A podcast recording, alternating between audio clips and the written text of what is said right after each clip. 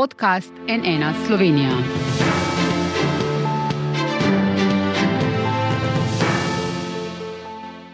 Dobr dan, to je NN studio. Na kaj se bomo v Sloveniji ogrevali v prihodnosti? V času, ko ponekod že potekajo protesti zaradi visokih položnic za ogrevanje, vlada državnemu zboru predlaga nov energetski zakon, ki naj bi omejeval ogrevanje na lesno biomaso in plin. Državna sekretarka na Ministrstvu za energijo pravi, če imajo ljudje denar za novo hišo, potem niso revni in si lahko privoščijo tudi toplotno črpalko. Pa je to ustrezna rešitev ali omrežje v Sloveniji to omogoča in odkot bomo dobili vso potrebno elektriko? V drugem bloku jedrske elektrarne se državljani še nismo izrekli, se pa zdaj začenja zares. Premijer Robert Golop je vse vodilne odločevalce povabil na srečanje o procesu odločanja pri gradnji JEK2. Kaj moramo o tem vedeti slovenke in slovenci? V studiu prav lepo pozdravljam današnja gosta. Z nami sta šef direktorata za energijo na Ministrstvu za okolje, podnebje in energijo, gospod Hinko Šolinc. Dobr dan, dobrodošli. Dobar in raziskovalec na odseku za reaktorsko fiziko na inštitutu Jožef Štefan, dr. Vladimir Radulovič. Dobr dan, dobrodošli. Dobar dan, dobar dan. Začela bova pa kar midva, gospod Šolinc, silovite politične spopade v bistvu že spremljamo zaradi predloga, ki ste ga pripravili na ministerstvu, da ne bomo več smeli kuriti na drva in na plin, pravijo ne v opoziciji, pa vi to seveda zavračate. Opozicija tudi grozi z referendumom, besedilo zakona pa ni nujno dokončno, ne. V parlamentarnem postopku se seveda lahko še spreminja. Prosim, pojasnite za začetek, za vse državljane, ki jih zanima in zanima jih precej, kakšne spremembe bomo torej čutili pri ogrevanju tisti državljani, energetski zakon EZ2, ki je trenutno v postopku v državnem zboru, ne omejuje uporabe goriv, nikakršni goriv v obstoječih pečeh. Nobeden izmed državljanov, ki stanuje v obstoječih hiši ali stanovanju, ka ta zakon ne sili, da bi moral kadarkoli zamenjati peč. Zakon pa ima določbe za nove hiše. Za nove hiše, eno in dvostanovanske in tudi večstanovanske, je prepovedana uporaba zemljske, oziroma projektiranje in ugradna kotla na zemljski plin, prepovedana že po drugem zakonu, že prej, ugradna kotla na korilno olje v nove hiše, po tem zakonu je pa tudi prepovedana, saj po tem dikciji, kakršna je trenutno, ugradna kotla na trdna goriva, na vsa trdna goriva, med drugim tudi na lesno biomaso v strnenih naseljih, ker prašni delci predstavljajo problem. Strna naselja po samem zakonu niso določena, to je prepuščeno občinam, da določijo na nivoju pač občin. In o tem bomo še kakšno v nadaljevanju rekli, ampak kaj pa tisti, ki bodo hiše prenavljali? Dikcija je, se nanaša samo na nove hiše, čeprav je v členu oziroma v odstavku, ki se nanaša na zemljski plin, ja, je uporabljena beseda nove, pri lesni biomasi ni. Predvidevamo, da bodo z amandmajem prišla beseda nove tudi v ta odstavek, ampak ne morem napovedovati, ker je to pač v rokah poslancev.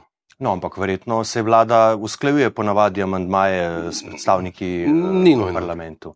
Aha, torej tega ne počne. Vlada na zakon, ki ga je pripravila in sprejela in poslala v državni zbor, ne more predlagati amandmajev. Uh Mhm. -huh.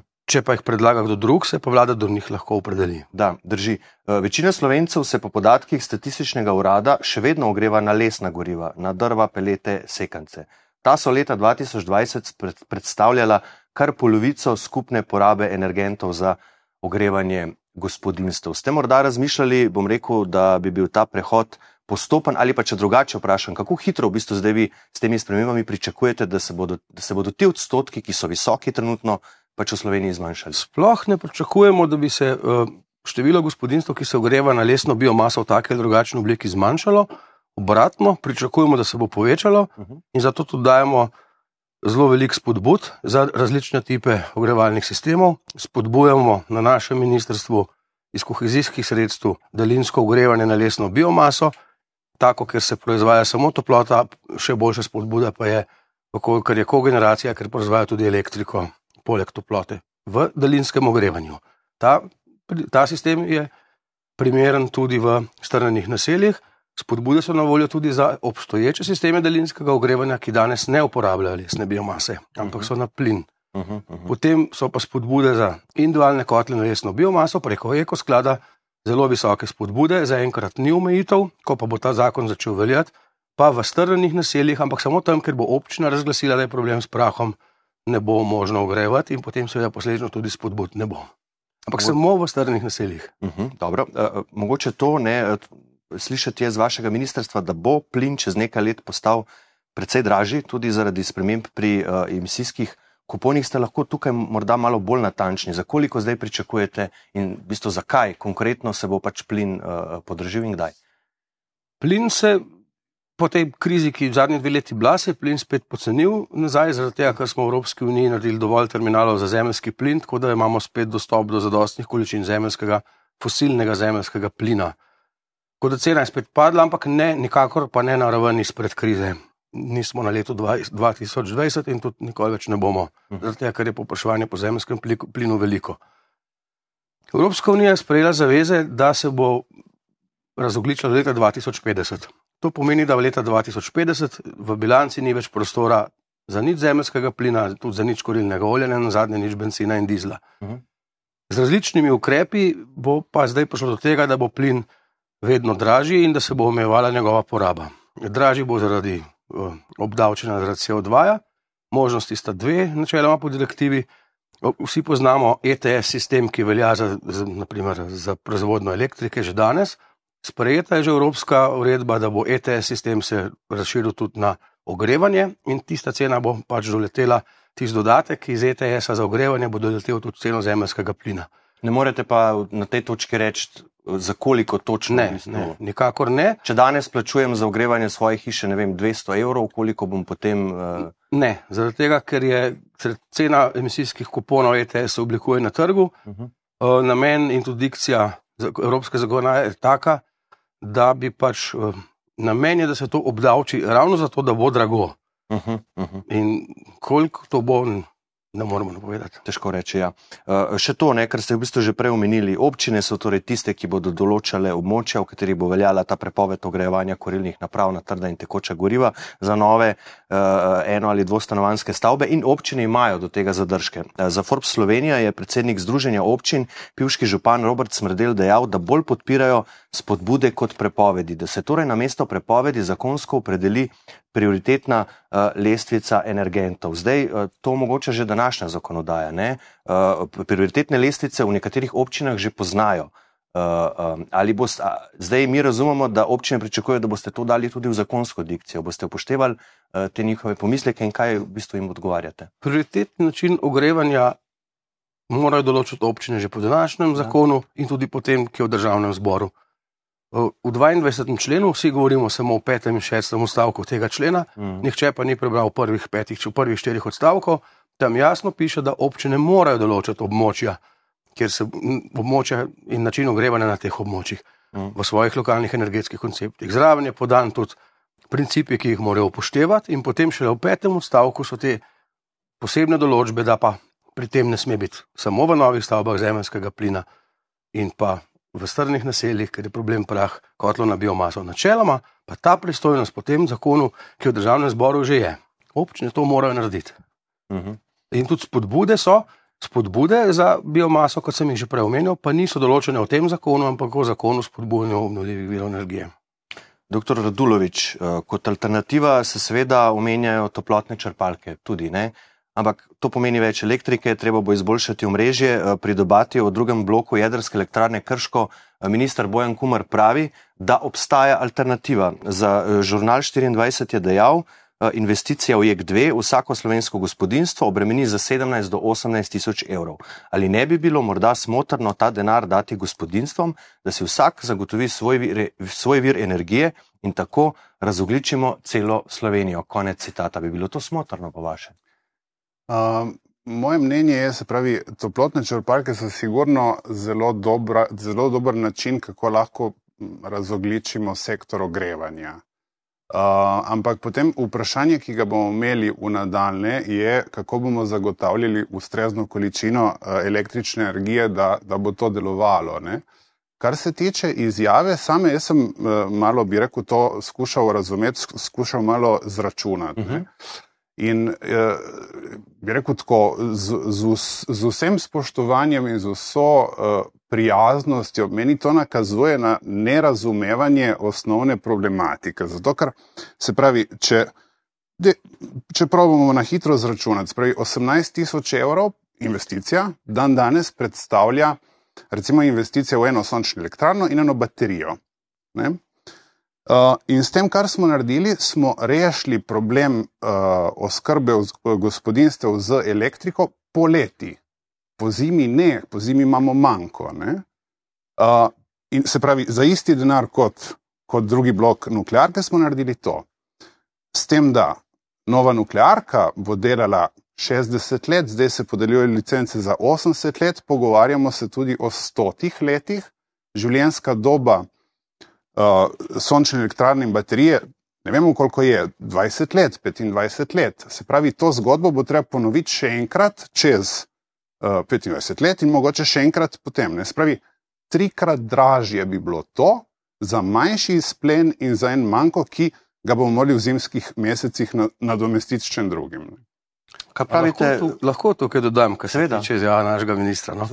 Zdaj, izjava je bila mišljena zato, da je pokazal, kakšen je obseg financiranja v novo elektrarno. Seveda tudi nove elektrarne, nuklearne, ne bomo financirali državljani, ampak bo financiral investitor, zasebni investitor.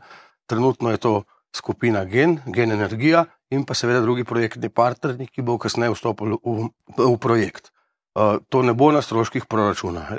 Proizvodna električne energije je tržna dejavnost, tudi v jedrskih elektrarnah.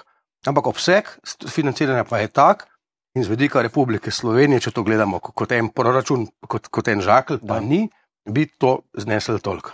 To je bilo, namen te izjave bil ta. In tudi kasneje dal še druge izjave. Ministr se dobro zaveda, da se s toplotnimi črpalkami, da je za pogon toplotnih črpalk potrebna električna energija.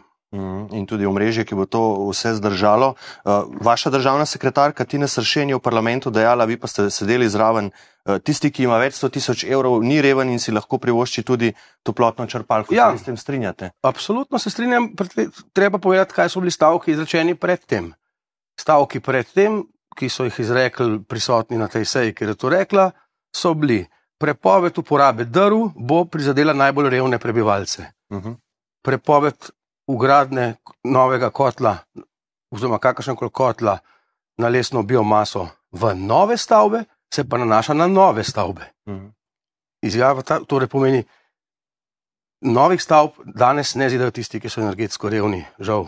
No, vse prav, da ste to pojasnili, zato ker je pač spet uh, bil cel vihar zaradi te izjave po, po mreži.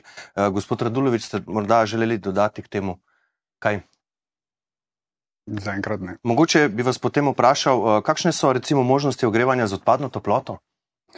Uh, ja, odpadna toplota je, je tudi, bi rekel, um, veliko, je, veliko je imamo, veliko jo proizvajamo, uh, pač uh, in, tako industrija, kot uh, tudi spravi uh, nuklearna elektrarna. Uh, možnosti za to so in so tudi, bi rekel, uveljavljene po svetu, mhm. recimo gretje mesta z uh, odpadno toploto iz nuklearke.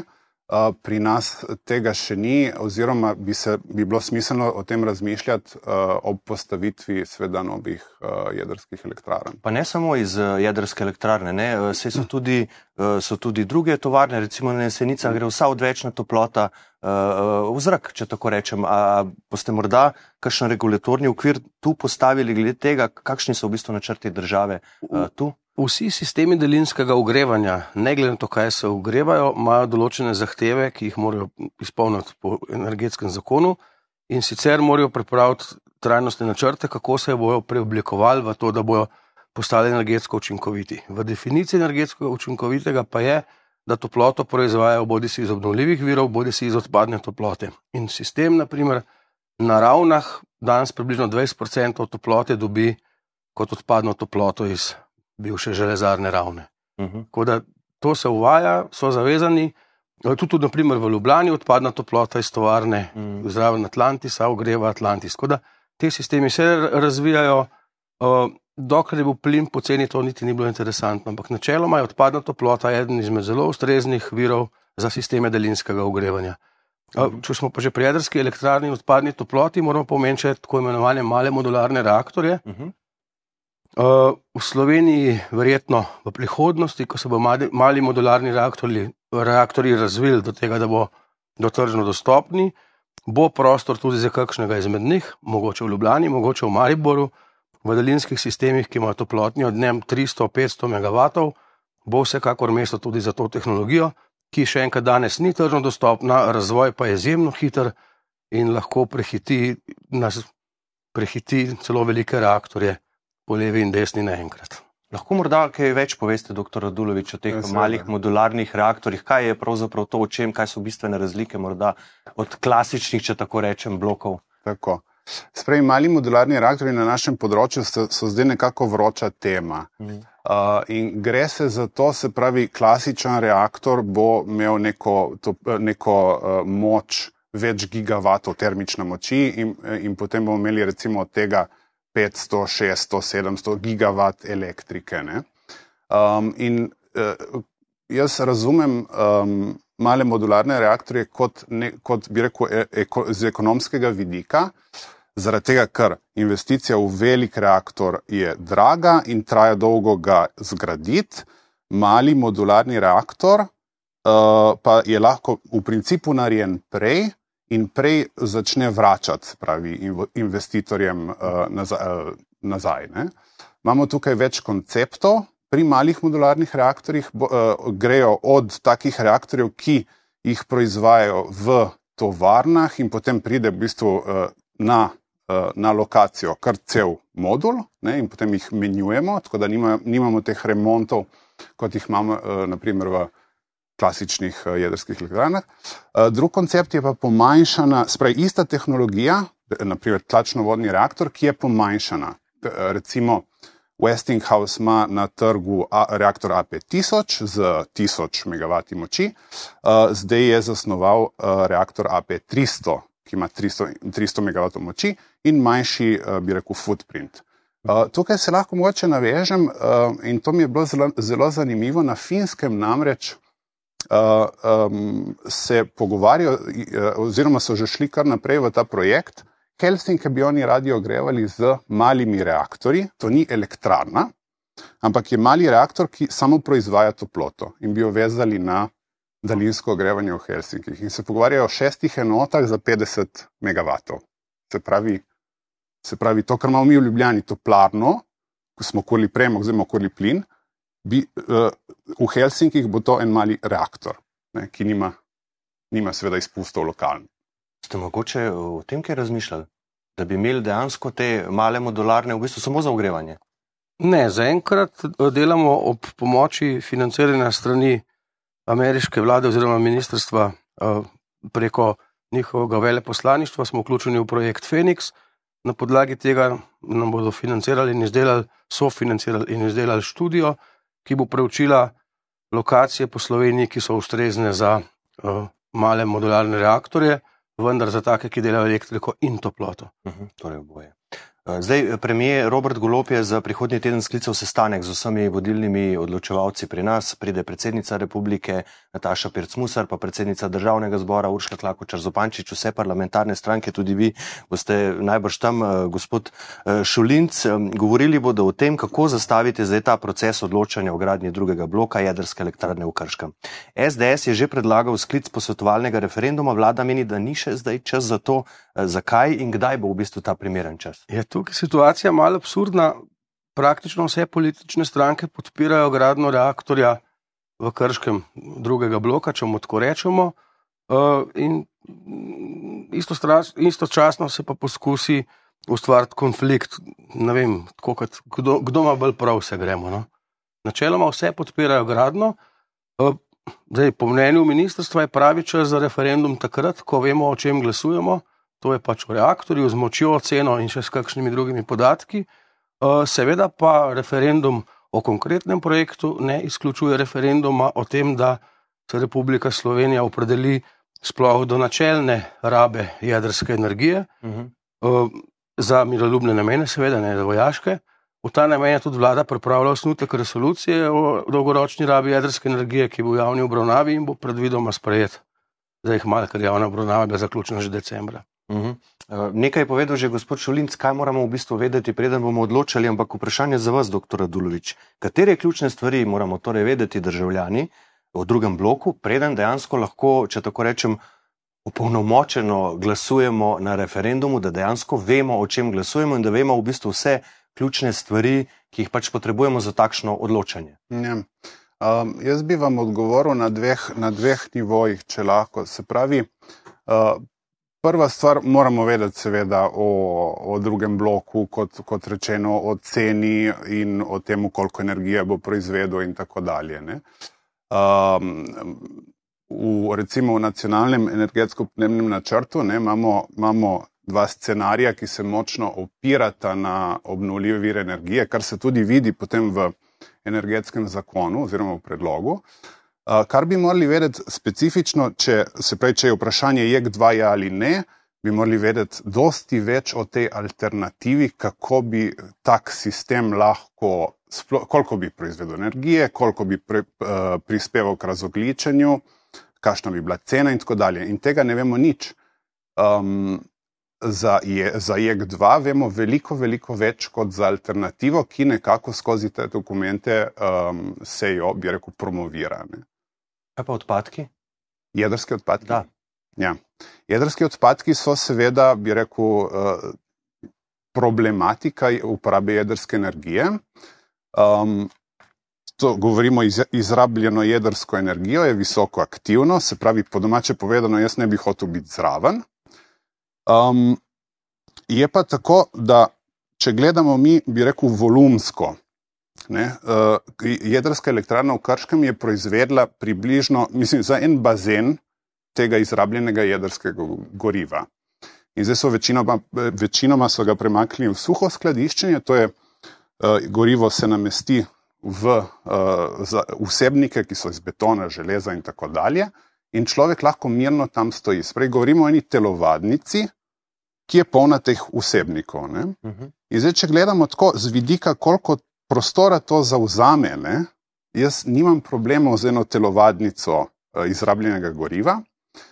Imam pa več problemov s tem, da bi hoteli, bi rekel, uh, velike površine naše države prekrivati ali s sončnimi paneli ali z uh, vetrnimi elektrarnami. Ne. Poleg tega, to izrabljeno gorivo, ne, um, večina energije, uh, ki je v, v štartu prisotna v gorivu, uh, je neizrabljene. Se pravi, obstajajo tehnologije, zdaj nekako četrta generacija uh, uh, reaktorjev uh, na tem dela, kako bi lahko mi to uporabili. Ne? Se pravi, reprocesirali to gorivo in uporabili, ne? se pravi, to so reaktori na hitre neutrone, um, reaktori s taljeno soljo in tako dalje. Uh, to se je razvijalo v 50, 60, 70 letih prejšnjega stoletja, ne? Potem je nekako zamrlo, ampak se ponovno nekako dela na tem. Uh, ste želeli kaj odgovoriti na to, gospod Šulinc? Ne, dejstvo je, da je alternative in to, ali bomo zdaj celo Slovenijo pokrili sončnimi elektrarnami. Celo Slovenijo pokrili z elektrarnami, to je močno pretirano.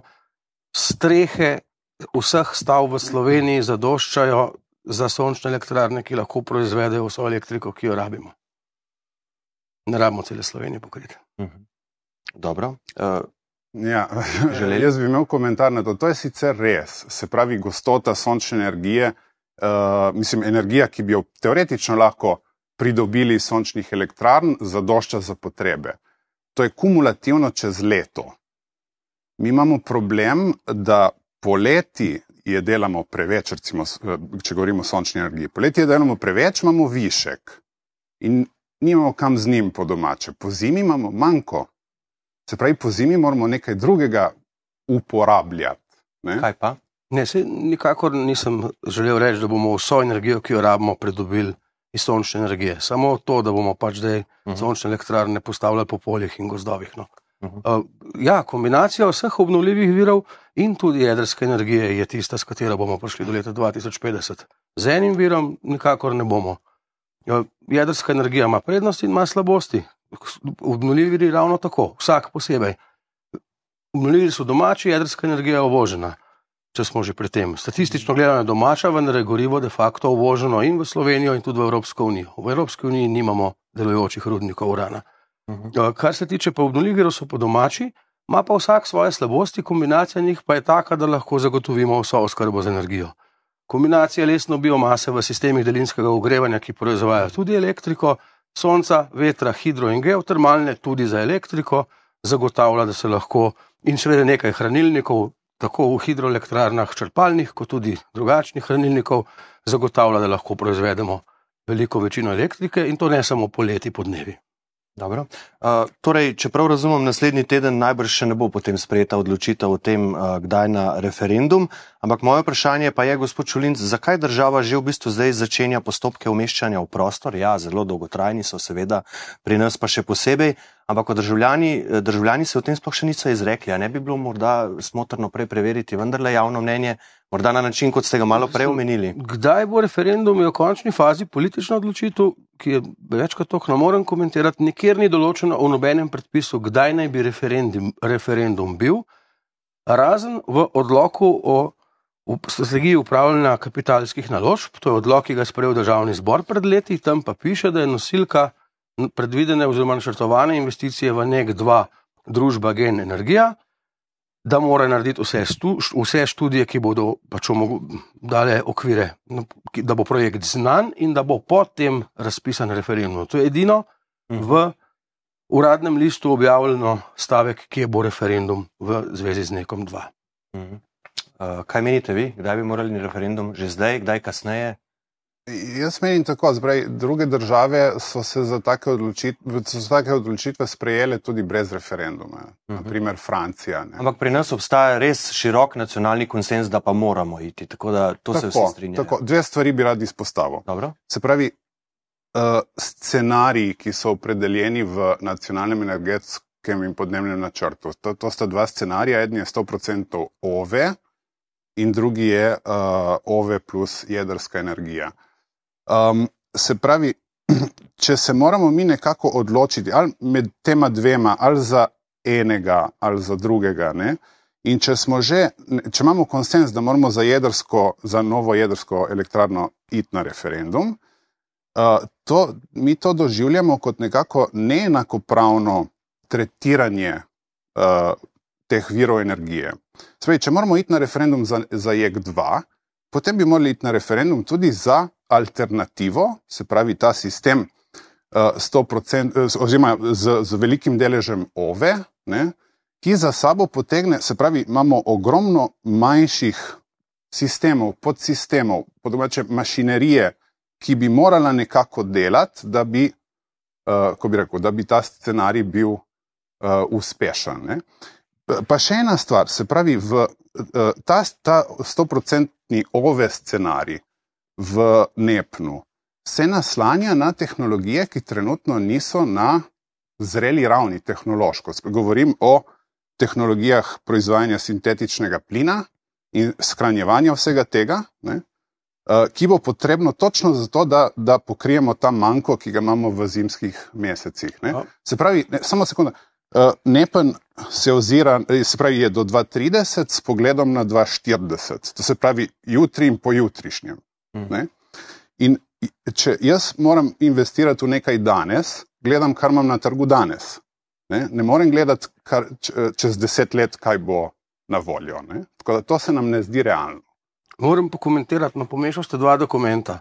100-odstotni ove scenarij, pa ove in jedrski scenarij sta v dolgoročni podnebni strategiji do 2050. Ne pa ne pa do 2030, kot ste pravilno povedali in nima 100% ove scenarija, ker do 2030 še živi jek ena. Se kliče 100% ove scenarij. Ampak ja, kliče se 100%. Čuje jedrsko elektrarno, ki jo imamo, govorimo o časovnem horizontu ja. do 2030, no to ni 100% ja, ja. ove scenarij kljub imenu.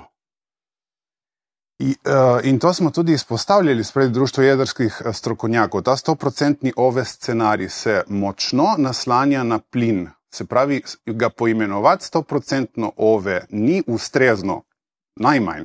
Lahko bi se reklo, da je zavajajoče.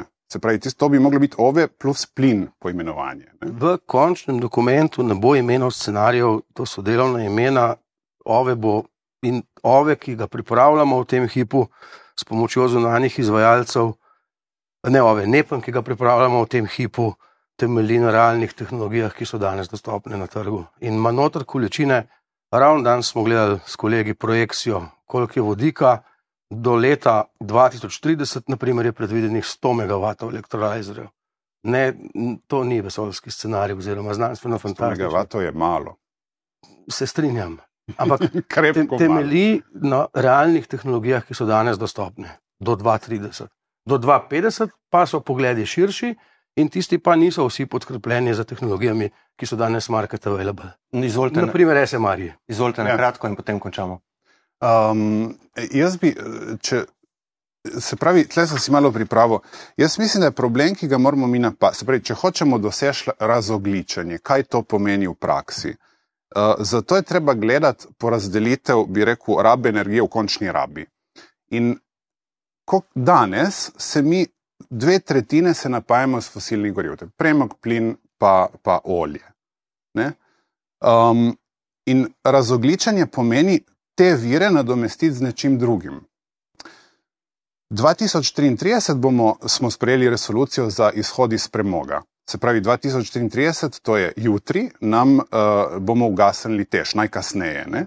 Nek bo delal do 2043, to je pojutrišnjem. Ne? Se pravi, izgubimo dva zelo, zelo pomembna, stabilna vira energije v našem sistemu. Um, in zdaj, ko bi rekel, uh, vse, vse tale del, ki, je, ki se napaja s, s fosilnimi gorivi, nadomestiti z izključno uh, obnovljivimi viri, se nam absolutno ne zdi realističen. Um, potrebovali pa bomo, če, se pravi, če hočemo razogličiti promet in recimo ogrevanje industrijo, je smiselno uh, preiti na elektriko. Pravi, mi, mi bomo rabili dvakrat toliko elektrike, kot jo proizvajamo danes, približno. Dobro, in vse to bo zagotovo debata tudi prihodnji teden na tem vrhu o JEK2. Za danes pa spoštovana gosta, dr. Dulovič, gospod Šulinc, najlepša hvala, da ste prišla v ta studio. Hvala. Hvala. Hvala pa tudi vam za vašo pozornost. Seveda, ko bo kakršnakoli odločitev v zvezi z JEK2 ali kakršnakoli druga sprejeta, vas bomo o tem sproti obveščali na nnainfo.si, zato nas spremljajte iz studija, pa le še lep pozdrav in nasvidenje.